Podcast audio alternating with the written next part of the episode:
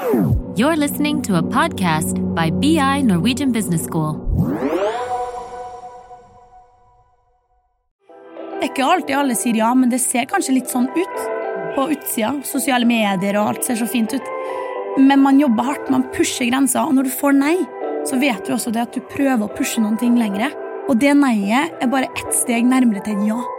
Velkommen til Karrierepraten, en podkast for karriereinspirasjon og innsikt i arbeidslivet fra Handelsskolen BI.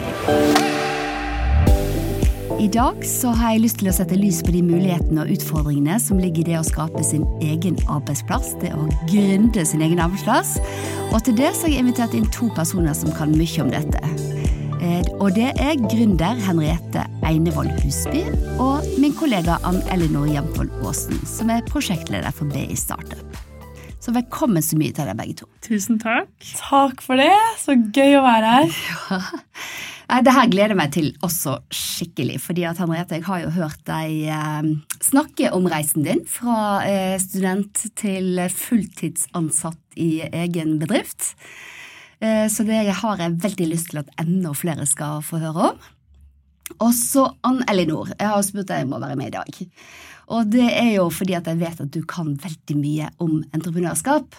Eh, både for at du også gründer selv, og du vet hvor man kan henvende seg til å få hjelp. Så jeg er veldig veldig glad for at du vil være min cohost i denne episoden. Jo, takk for å bli invitert, og takk for eh, varm intro.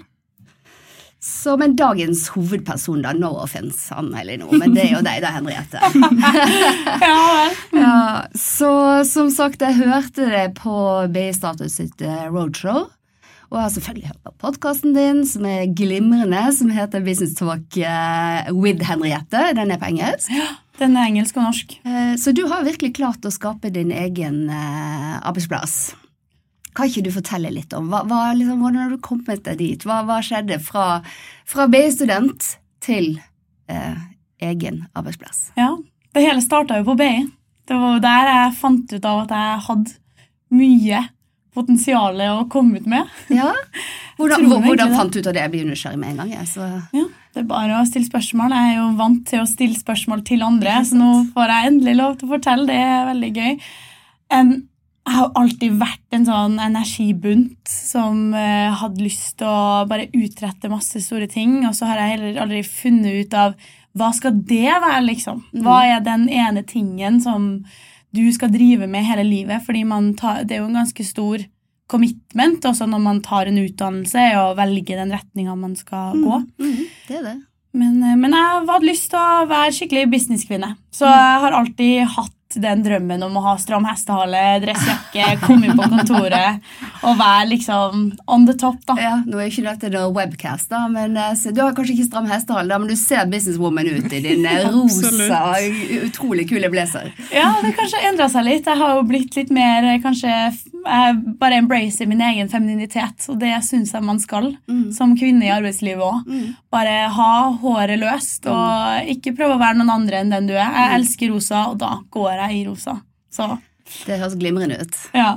Men eh, jeg starta på BI eiendomsmegling eh, fordi jeg hadde lyst til å Egentlig, som eiendomsmegler, så er man jo litt nødt til å bygge sitt eget nettverk og bygge sitt eget brand og skaffe sin egen arbeidshverdag. Så det var kanskje der den gründerspiren allerede starta. Så jeg tok den utdannelsen, fullførte den i B, på BI Bergen. Eh, og så fikk ganske gode karakterer. Jeg var har jo alltid vært hardt, Mm. Og jeg må få lov til å skryte av meg selv, og det syns jeg også flere damer skal gjøre. Ja. Um, så, så valgte jeg da å gå videre på en master på CBS i strategi og ledelse. Passa jo veldig bra, fordi jeg er jo en eh, leder i min egen eh, bedrift nå. Uh, jeg tok en liten sånn snu eh, En liten svipptur innom, en eh, fulltidsjobb i København etter utdannelsen min. Jeg fant ikke helt plassen min. Nei. Eh, ja. Hva var det som gjorde det, da? Hva var det som skurra der, hvis jeg kan spørre om sånt? Ja. Eh, nei, altså jeg var jo en sjef i den bedriften også. Det var også en startup. Eh, Proptech, altså eiendomsteknologi. Og da var jeg head of sales og hadde liksom styring på eh, salgsprosessen, CRM-systemet, fikk to ansatte under meg, syntes det var veldig gøy. Men samtidig så fant jeg ikke min si, scene eller sted å være. Fordi alle rundt meg var menn i 40-årene. Mm. Eh, og som jeg også snakka om, det har ingenting imot menn i 40-årene eller dem som driver på med det. Det er på en måte ikke eh, Jeg har ikke noe imot det. Men jeg mener også at arbeidslivet trenger mer diversitet. Mm. Mm. Og jeg var den eneste dama på teamet. Jeg hadde ingen jeg kunne spare med, eller noen jeg kunne se opp til eller speile meg i. Det var ingen kvinnelige partnere i det firmaet. Så tenkte jeg, men hvordan skal det være mulig for meg, da, hvis det er ingen jeg kan spørre de spørsmålene jeg lurer på? Mm. Så jeg tok saken i egne hender og gikk på LinkedIn. Eh, Jeg fant en artikkel med en dame som jeg bare var superimponert over. Og så tenkte jeg hun har jeg lyst til å snakke med. Jeg var veldig redd og bekymra. Hva ville hun tenke om meg hvis jeg skrev til hun? Jeg, liksom, jeg husker jeg bare satt foran PC-en på jobb da, og, og tenkte åh, hvis jeg kunne være der hun er i dag, da hadde livet vært komplett. Men, eh, men alt er jo en reise, så man må jo ikke tenke på målet hele tida heller. Men, det, men da tok du kontakt med henne på LinkedIn, eller hva gjorde du der da? Ja, Hva var det du spurte om der, da? da spurte jeg egentlig om hun ville ta en kaffe med meg. Mm. Ja, og da gikk det et par dager, og så svarte hun meg. Og så sa hun ja. Tenkte bare shit, nå må jeg faktisk gå og ta den kaffen. Og det var starten på alt. Mm. For da fikk jeg inspirasjonen. Jeg fikk se at det var mulig. Jeg fikk se at det var noen andre som hadde gjort det før meg. Og jeg tenkte bare nå må jeg ta steget. Nå må jeg gjøre noe. Nå må jeg skape noen ting. Eh, og jeg tok i kontakt med flere damer, og jeg tenkte men det de forteller meg, det var jo også litt sånn the deep secrets of eh, business. Hva er det du egentlig må gjøre som dame i forretningslivet? Du må jobbe ti ganger hardere. Jeg møtte en advokatpartner, dame, i et stort dansk advokatfirma. Og Hun sa det at når guttene dro, dro ut på baren og tok en øl etter jobb, så satt hun igjen og skrev den siste kontrakten, skrev den siste mailen for å få det på plass. Fordi hun visste hun, at hun måtte jobbe så hardt for å nå på toppen. Men jeg syns det er så kult at du forteller dette, for jeg snakker jo både med mange folk ute i eh, næringslivet, både gründere og ikke-gründere, og jeg snakker med mange studenter. og Mange studenter tror man kan ikke skrive det på LinkedIn, man kan ikke spørre om den kaffen. Mm. Så det er bare helt nydelig at du sier det. Fordi at når jeg hører på den andre siden fra næringslivet, så sier de å, det er superfint å bli kontaktet av studenter. Vi, så lenge man ikke spør om en jobb, men man spør om en kaffe eller et råd, så er mitt inntrykk at de fleste syns det er De liker faktisk å få de henvendelsene. Ja, Jeg tror jo at de aller fleste syns det er veldig stas å bli spurt om å dele sine erfaringer og ja, eh, få anerkjennelse for den jobben man har gjort. Da. Så jeg tror absolutt ikke det er et dårlig råd å skrive en sånn melding på LinkedIn. Absolutt, men også en ting til å tenke over er jo det at, som jeg også har begynt å tenke over i det siste, at en ting er jo det å skrive og spørre om tida til noen. Kan du være med og hjelpe meg med min reise? Ok, hvis de sier ja til det, fantastisk, men hva kan du også bidra med tilbake til dem? Mm. Hvis du tar den kaffen med meg, jeg er eksempel kjempegod på design. Trenger du en logo, jeg kan designe den for deg, så kan du dele litt erfaringer med det. Tenk liksom, hva kan jeg gi, hva kan jeg få? Så skaper man den verdien sammen, da. Det tenkte jo ikke jeg over i starten. Jeg var også bare sånn febrilsk rundt og bare 'hjelp meg, hjelp meg', hjelp meg. Mens nå, når jeg har kommet liksom litt på den andre sida, nå har jo bordet snudd. Nå tar jo folk kontakt med meg. Jeg hadde, den helga her skal jeg jo på Startup Extreme. Det er flere som har sendt meg mail. 'Hei, jeg har lyst til å møtes. Jeg har fulgt deg lenge på LinkedIn. Jeg syns det er så inspirerende, det du gjør.' Nå har det snudd. Mm. Nå er det andre som tar kontakt med meg. Mm. Hva, er det, hva var det jeg gjorde som endra det? Før så var jeg 'kan du hjelpe meg'? Mm. Nå spør folk om jeg kan hjelpe dem, Mm.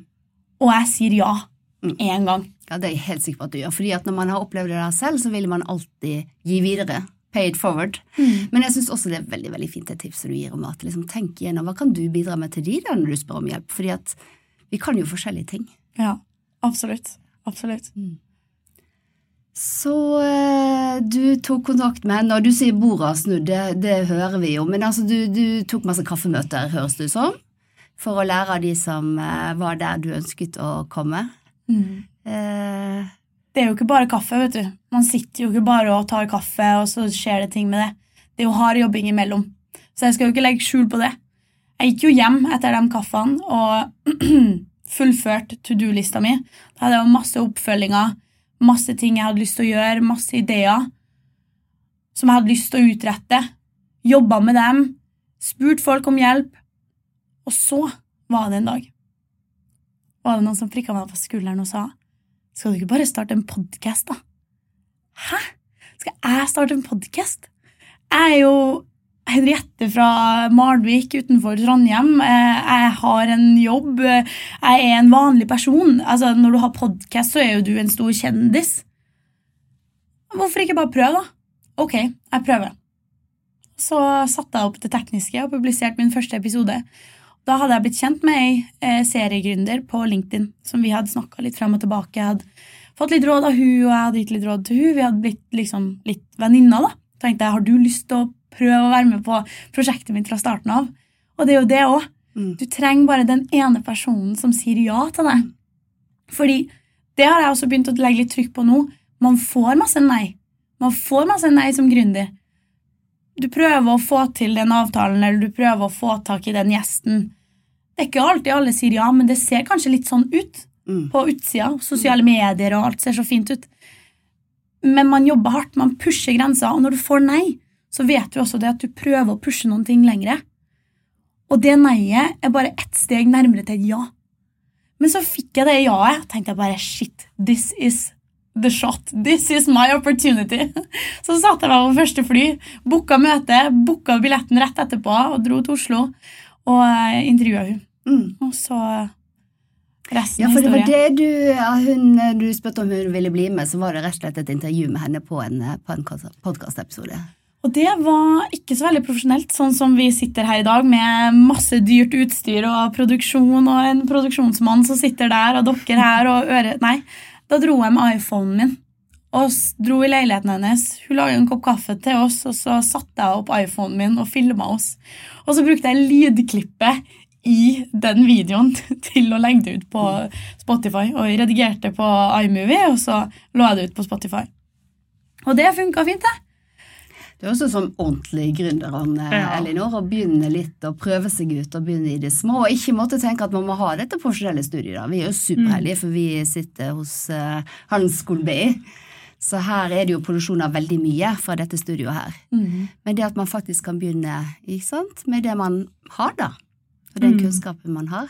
Og det vil jeg jo absolutt hylle, da, at du begynte å teste ut i det små for å se om ideen din funka. Og så det at du er så åpen om at du har fått mange nei òg, det syns jeg er utrolig bra. Du har jo nettopp gått ut med det her på LinkedIn og har jeg sett, og skrevet et innlegg om det og fått en del respons på det. Og det er ganske få som tør også å si det, men de absolutt aller fleste som har oppnådd mye suksess, har jo gjort det fordi de har tålt å stå i alle de nei-a. Mm. Så det syns jeg er skikkelig kult at du gjør. Ja. Og hvordan takler man egentlig det? De der nei-ene. Du tenker liksom Nå går det. Det her er sjansen min. Og så nei. Nå går det. Og så nei. Nå går det. Nei. Hvordan klarer du å stå opp om morgenen og fortsette? Det er ikke mange som klarer det. Men så handler det jo om å få seg noen teknikker da, som man jobber med, og det er jo derfor at jeg har blitt coach. For at jeg vil få andre, særlig damer, til å forstå det. At det er ikke personlig. Det er ikke på grunn av deg. Det er bare på grunn av at folk er i sin egen boble. Folk har egne mål. Og hvis du skal oppnå dine mål, så må du stay true to yourself. Bruk teknikkene dine. bygg opp en mental styrke som gjør at du takler de nei-ene på veien. Mm. Fordi du kommer til å få det ja-et. Hvis du ikke får et ja på kanskje tre år, kanskje du skal endre i det. Men eh, Mm. det er jo også noen ting med gründerskapet, Elinor. Ja, og så Ja. går det jo an å spørre eh, men hvorfor sa du nei nå? Har du lyst til å bare bruke et par minutter på å forklare meg hva jeg kunne gjort annerledes? Eller ja, hvis det ikke er personlig i det hele tatt, at det kanskje var dårlig timing, så er det litt digg å vite det òg. Så tørre også å ta imot den feedbacken og spørre hvorfor var det ikke eh, det jeg tilbydde nå som du ville ha, da. Mm, helt enig. Ja, det synes jeg var et skikkelig godt eh, tips. Å lære av de nei-ene man får, og ikke bare tåle å stå i de. For jeg tenker at det må være en av de mest viktige egenskapene. At man faktisk klarer å ikke gjøre det personlig, da, og klarer å stå i disse nei-ene. Men det å lære av de, Anne Elinor, og liksom finne ut, mest mulig ut om hvorfor. Mm. Mm. Så da var du i gang da med første podkastepisode. Men eh, da levde du ikke av det da, gjorde du det? Nei. Det her var jo da 19. januar 2022, og da hadde jeg jo egentlig nettopp landa den head of sales-jobben som jeg snakka om i desember, november 2021. Så jeg drev jo med eh, podkast-intervjuer, hadde publisert episoder annenhver uke i et helt år, faktisk. Eh, på sida av jobben. Mye jobbing, altså. Men det gjør jeg jo fortsatt. Jeg er jo kanskje blitt litt arbeidsnarkoman, fordi jeg har bare funnet noen ting som jeg elsker å holde på med. Og når du gjør det, det er jo bare helt fantastisk, fordi du, du jobber på en helt annen måte. Du jobber for deg selv. Du jobber for dine mål, som bare du kan gjøre noe med. Så jeg hadde funnet det, og den passionen min om at jeg vil få flere kvinner til å stå sterkt i sine egne sko, i sin egen verden, og ta eierskap både investere, både ta eierskap over karrieren sin, ta eierskap over bedriften sin, eller hva det enn nå måtte være. Ikke bare gå rundt og flyte rundt i en boble. Um, Vit at du kan gjøre noe med det, og det var det jeg fant ut av. Um, For jeg har vi ikke snakket så mye om hva det egentlig er som er forretningsideen din. Mm, mm. Forretningsideen min er jo ganske enkel. Det er jo kanskje mange som ikke skjønner hvordan jeg tjener penger, men jeg tjener jo penger ved å promotere andre. Så jeg er jo blitt som en slags influenser, kan man si. Og det er jo starten på det hele. Nå bygger jeg jo opp mitt brand. Jeg bygger jo opp et si, sosialt brand innenfor det jeg snakker om, og innenfor min passion. Hele målet handler jo om å få flere kvinner til å stå sterkt i verden. Og hvordan gjør man det? Jo, nå må man skape litt awareness. Så det starta med podkasten. Der har jeg en del veldig flotte samarbeidspartnere, bl.a. TrippelTex, Rockamore Shoes. Nå har jeg nettopp landa et samarbeid med AJ Produkter, som selger eh, hva heter det, kontormøbler. Mm. Så jeg har jo ganske store, trygge samarbeidspartnere som gjør at jeg får en fast inntekt. Og så har jeg begynt med coaching, hvor jeg da går direkte ut til eh, si, damer som kontakter meg, og som har lyst til å starte sin egen bedrift så coacher jeg dem i å finne ut av hva er verdiene dine egentlig. Hva liker du å holde på med? Hva er det som er viktigst for deg for at du skal ha et bra liv? Så hjelper jeg med det, og da ser jeg liksom den der ekte impacten på stedet. Jeg har blant annet ei som har slutta i fulltidsjobben sin og kjøpt en nettbutikk, og hun bare kjører på. Ei som har lyst til å bli klatrefysioterapeut. Det er liksom alt mulig. Men alt uansett hva du driver på med, handler jo egentlig bare om evnen til å pushe på videre, sette seg mål og vite hvorfor du gjør det. Så ja. Eh, jeg syns jo det er så gøy å høre på det, for jeg hører jo bare den der, og ser på det, den passion du har for dette. Og det er også å, å hjelpe andre ikke sant, til å, å klare det som du har klart selv. Og så har jeg litt lyst tilbake til det der med eh, eh, samarbeidspartnerne dine, fordi at det er jo også interessant. ikke sant? I alle fall hvis man skal tenke at eh, man skal sånn delvis leve av det, eller helt leve av det, så, treng, så trenger man det. Mm. Eh, altså, Hvordan eh, AJ Produkter, du sier du akkurat landet en avtale med dem, hvordan går du frem der? da? Ja, veldig bra. Nå får du the dark secrets her. Og det her handler jo også om tilbake til det med å få nei. Eh, jeg jobba jo først et halvt år helt uten å ta kontakt med noen. Da bygga jeg meg bare opp.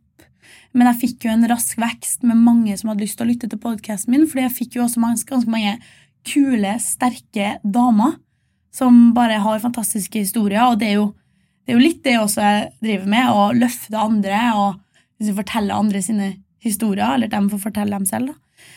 Og så var det da en kveld i september så tenkte jeg hm, nå har jeg jo i hvert fall 10 000 som lytter. tenkte jeg bare, men da må jeg jo kontakte noen og se om det er noen som er interessert i det, de tallene. Og det er det jeg gjør. Mm. Jeg tar kontakt med dem som jeg syns er kule. TrippelTex. Jeg hadde bruk for et regnskapsprogram. tenkte jeg, hmm, Kan vi finne noen synergier her? Noen ting som jeg kan reklamere for, som jeg kan stå inne for, og som også kan gi verdi til dem som lytter til meg. Det er veldig viktig for meg. Fordi det nytter jo ikke hvis jeg skal drive og reklamere for um, ja, eh, hva skal jeg si, da? Noen ting som ikke har med gründerbedrift eller det å starte opp for seg selv eller business å gjøre. Så det var derfor jeg tok kontakt med TrippelTex, sendte en mail, og da hadde jeg et møte med dem. Og så snakka jeg om det, om, om det jeg hadde bygga opp, og de var jo ja, interessant det, og vi får mye kontakt med folk, og vi, vi kommer tilbake til det. Mm. Vi drodde litt noen ideer, og så kommer vi tilbake til det. Tenkte jeg sånn, ja, ja, ok. Ja, når første møte er greit, da eh, dere kommer sikkert tilbake om eh, en måned eller aldri. en time etter møtet så sa han, vi har lyst på ti annonser og ti videoer som du kan lage for oss. Så ja, ok, greit. Hva skal jeg, hva skal jeg ta for det, da? Det ante jeg jo ikke. Da hadde jeg jo en fulltidsjobb, jeg hadde jo lønn. tenkte jeg bare sånn, ok, Finn en symbolsk sum. da, Så tok jeg egentlig bare fingeren sånn inn i munnen, kjent på lufta. Ah, Sier den summen her. Ja, Det var greit. Sikkert altfor lite. Ja, ikke sant? Det er jo det man tenker da. Ja. Ja, det er en klassiker. Men Anne Elinor, eh, jeg hører jo ikke sant, at Henriette har jo uh, gjort mye av dette selv, men det er sikkert noe hjelp å få også, ikke sant, i forhold til det å Hvis man er BI-student, da, for eksempel, og Ja. har en liten gründer i magen. Så nå er det jo sånn at Vi har et tilbud for alle BI-studenter som er interessert i å starte egen virksomhet, som heter BI Startup. Mm, Det er og du jo- sier ja. alle, er det fordi at det, tenker du at det er ikke bare for de som studerer entreprenørskap, men det er for absolutt alle? Ja, viktig poeng. Eh, fordi gründere studerer nødvendigvis ikke entreprenørskap, sånn som du sjøl, Henriette. Du studerte jo eiendoms... eh, Hva var det du Eiendomsmegling. Ja, eiendomsmegling, ikke sant? Så gründere kommer ut fra alle mulige miljøer, så tilbudet som BI gir da, eh, for å hjelpe folk med å utforske egne entreprenørielle muligheter, det er for alle BI-studenter. Entreprenørielle. Ja, det er vanskelig ord. Det har jeg sagt et par ganger. Det er derfor jeg klarer å si det så fort. Jeg klarer ikke å si det. Jeg skal ikke prøve meg engang. Ja, og hva er det man kan få hjelp til, da? Det som vi gir, er hovedsakelig veiledning og mentorering. Både fra noen som på måte er på samme sted i hierarkiet si, som deg sjøl, student til studentveiledning. Men så har vi òg en entrepreneur in residence på BI, som betyr at BI har faktisk ansatt en seriegründer til å gi mentorering til studenter som har lyst til å utforske egne forretningsideer. Det er veldig kult. Han var jo med på det eventet som dere be, Ja. som jeg også var med på. BI Startup sitt pitche roadshow. Mm, skulle jo ønske at det tilbudet var når du gikk på BI òg, da. Um, Ja, men vet du hva? Jeg tror faktisk ikke jeg hadde mm, Nå skal ikke jeg Altså, det der med gründerskap og Det er ikke noen ting man kan tvinge frem. Og det er litt vanskelig å snakke om, fordi det er ikke noen ting du kan si at 'nå skal jeg bli gründer', og så 'nå skal jeg gjøre det'. Det må liksom komme fra et sted. Hvorfor har du lyst til det? Hva er viktig for deg? Det kan Mm. godt være at du er en super ansatt. Det kan også godt være at du er en elendig CEO av, et, eh, av en startup. Det må jo komme fra deg. mm. Ehm, og jeg tror Hvis det hadde fantes et tilbud på BI når jeg gikk der, ja, kanskje jeg hadde prøvd det. Jeg vet ikke. Men eh, Men jeg kan jo også si at det er jo like viktig eh, at de ferdighetene man lærer gjennom Baystartup, om så du bare er med på noe event, så blir litt inspirert av noen gründere, eller om du faktisk har en idé som du får hjelp til, Det, at eh, det spiller ikke så mye rolle hvordan det går med den ideen egentlig. Ja, Det har ingenting med det å gjøre, føler jeg. at eh, det som er viktig, er at du lærer deg noen, noen ferdigheter. Som f.eks. å tenke kreativt, eller prøve å skape noe utenfor klasserommet. på en måte. Eh, Du skaper deg et nettverk, eh, du kan jo lære litt om å ta kalkulert risiko. og Det er mange sånne ting som du enten får bruk for hvis du har lyst til å starte noe senere, sånn som du gjorde, eller hvis du blir ansatt i et større selskap eller et etablert selskap. mm. Det å ha ansatte som har de ferdighetene, er skikkelig viktig i morgendagens næringsliv. Så det er absolutt ting man kan ta med seg uansett hva man skal. da. Altså, uansett hvor man er hen, er det der å faktisk kunne ta initiativ og det å være kreativ. Mm. Men jeg liker det, det du sier også, det å kunne ta kalkulert risiko, og kanskje det der også tåle nei, som Ja. du har snakket mye om, Henriette. ikke sant? At det, der, er- det er jo noe man trenger i alle, alle mulige yrker.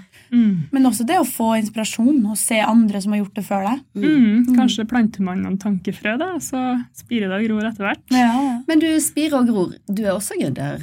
Ja, jeg er jo det ved siden av jobben min på BI. Så jeg er jo, jeg er jo kanskje litt som Henriette, prega av arbeidslyst og ja, engasjement. Så jeg er jo også BI-alumni. da, Jeg gikk entreprenørskapsbachelor på BI. Eh, og så spedde jeg på med en master fra NTNUs entreprenørskole. Eh, og der blir man jo faktisk tvunget til å starte en bedrift. Klart det var jo det jeg ville når jeg starta der òg, da. Men eh, det selskapet som eh, som jeg satt opp der, som heter Volero, det drives jo fortsatt i dag. Det er så kult, da. Eh, Så vi har jo tre ansatte nå, da. Så jeg er liksom styreleder er med på sida da, og heier på. Og så bruker resten av arbeidshverdagen min på BI med å hjelpe studenter som som har egne Du må si hva dere holder på med, da. Ja, eh, jeg kommer fra en sauegård i Trøndelag, så der så oppdaga jeg at eh, man kaster faktisk veldig mye norsk ull hvert år. Fordi sauer i Norge er så heldige at de får gå rundt og beite hele sommeren, i motsetning til mange andre land. Så drar man med seg ganske mye kvist og lort og sånt inn i ulla, som er vanskelig å få ut igjen. da. Så norsk ull er av veldig høy kvalitet, men oftest må man eh, kaste mye av det eller bruke det til veldig sånn lavkvalitetsprodukter. Da. Så ideen til Volero er å ta i bruk eh, lavkvalitetsull, og så lager vi det til gjødsel til planter. Putter det i noen svære maskiner, og så blir det til pellets som vi kan putte i, i jorda til planter. Da. Det jeg syns er skikkelig gøy når jeg, hører, jeg, når jeg hører på dere to, er at eh, Korriger meg hvis jeg tar feil, men at inngangen til gründerskapet har vært litt forskjellig. Mm. Fordi at når jeg hørte deg, Henriette, så hørte jeg at du hadde lyst til å liksom gjøre en forskjell. Du hadde lyst til å bli businesskvinne, du hadde lyst til å være selvstendig. var egentlig det nesten jeg oppfattet som den største motivasjonen. Mm. Uh, og så hører jeg deg, ikke sant, som ser her er det en, et, liksom, en waste eller et produkt eller noe som mangler noe vi kan gjøre noe med. Og det syns jeg er skikkelig gøy. Mm. At eh, inngangen kan være veldig mye forskjellig. Mm. Men at det er viktig å ha liksom en sånn klar inngang i det, og ikke bare en litt sånn wishy-washy idé om at uh, jeg skal starte noe Ja. en gang. Så Det liker der det jeg, jo, ligger. ja, jeg liker veldig godt hvordan du Henriette, legger vekt på eh, engasjementet man har for prosjektet man setter i gang på. Da. Fordi det vil jeg jo si, Jeg har jo sett veldig mange starte og prøve, og mange har feila, mange har klart det. Men ofte de som klarer det, gjør det ikke fordi de bare har en slags økonomisk motivasjon med startupen sin, men som har noe de har lyst til å utrette for noen. Mm. Du har en eller annen motivasjon der da, som kommer fra noe annet enn bare du har lyst til å tjene masse penger. Det handler jo om å løse et problem. Mm. Det er jo det gründerskap handler om. Mm. Mm. Eh, Anne Elinor, eh, du har jo snakket litt om hvordan man kan få litt hjelp, og jeg syns også dette her med på en måte, det der, disse egenskapene eller kompetansen man tar med seg. Mm. Og så snakket vi her forleden litt grann om eh, hvis man har vært med på en startup, kanskje til og med som student, og det er ikke det man skal drive med en gang etterpå, hvordan skal man forklare Ja, på en CV det er et når man skal søke seg jobb? jeg tror mange kvier seg for å sette det på CV-en hvis de har feila en startup, fordi at de opplever det sjøl som, som et tap.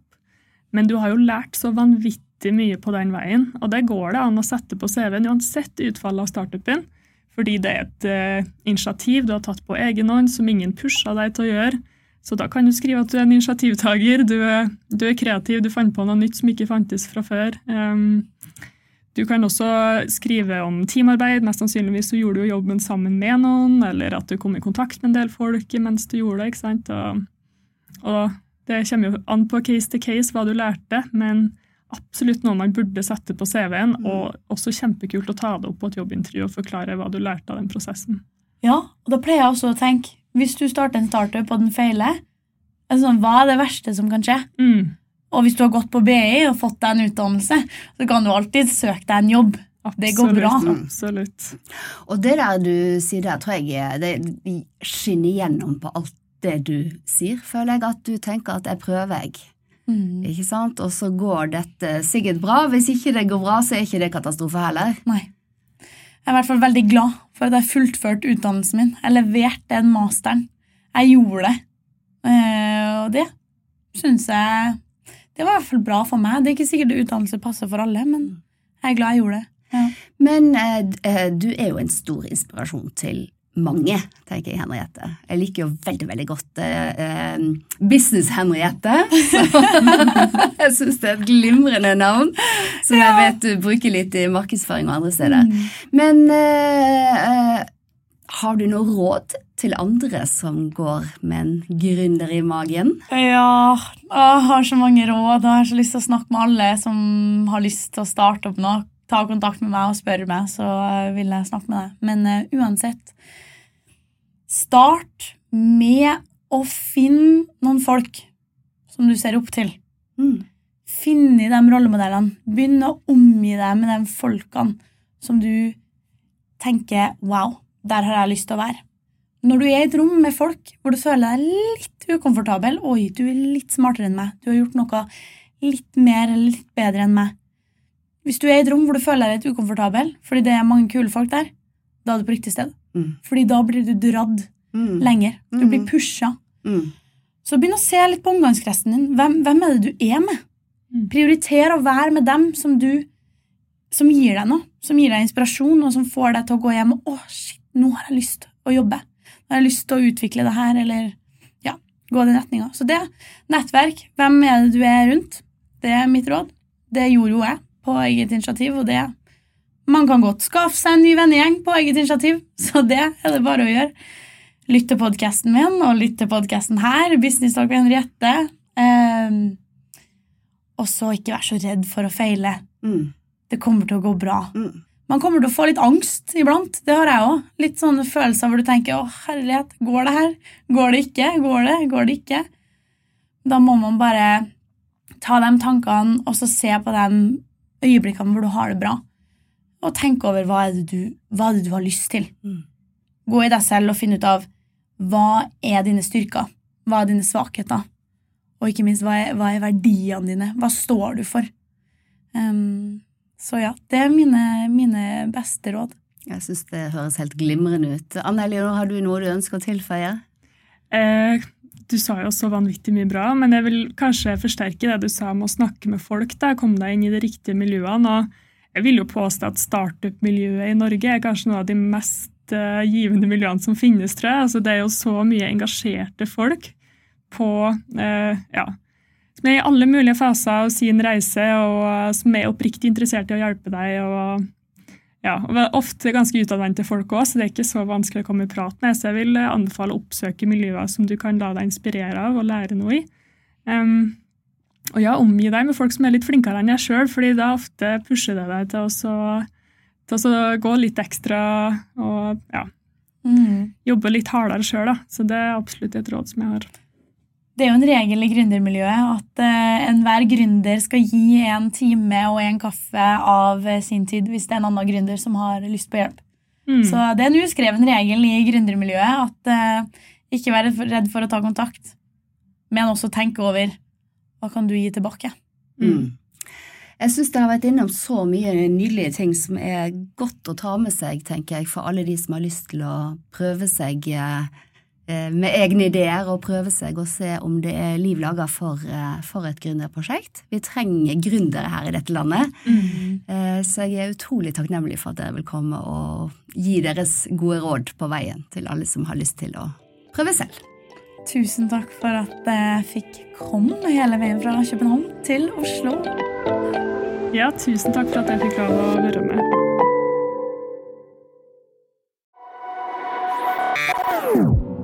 This is a BI production. Listen to more podcasts. Go to bi.no slash podcasts.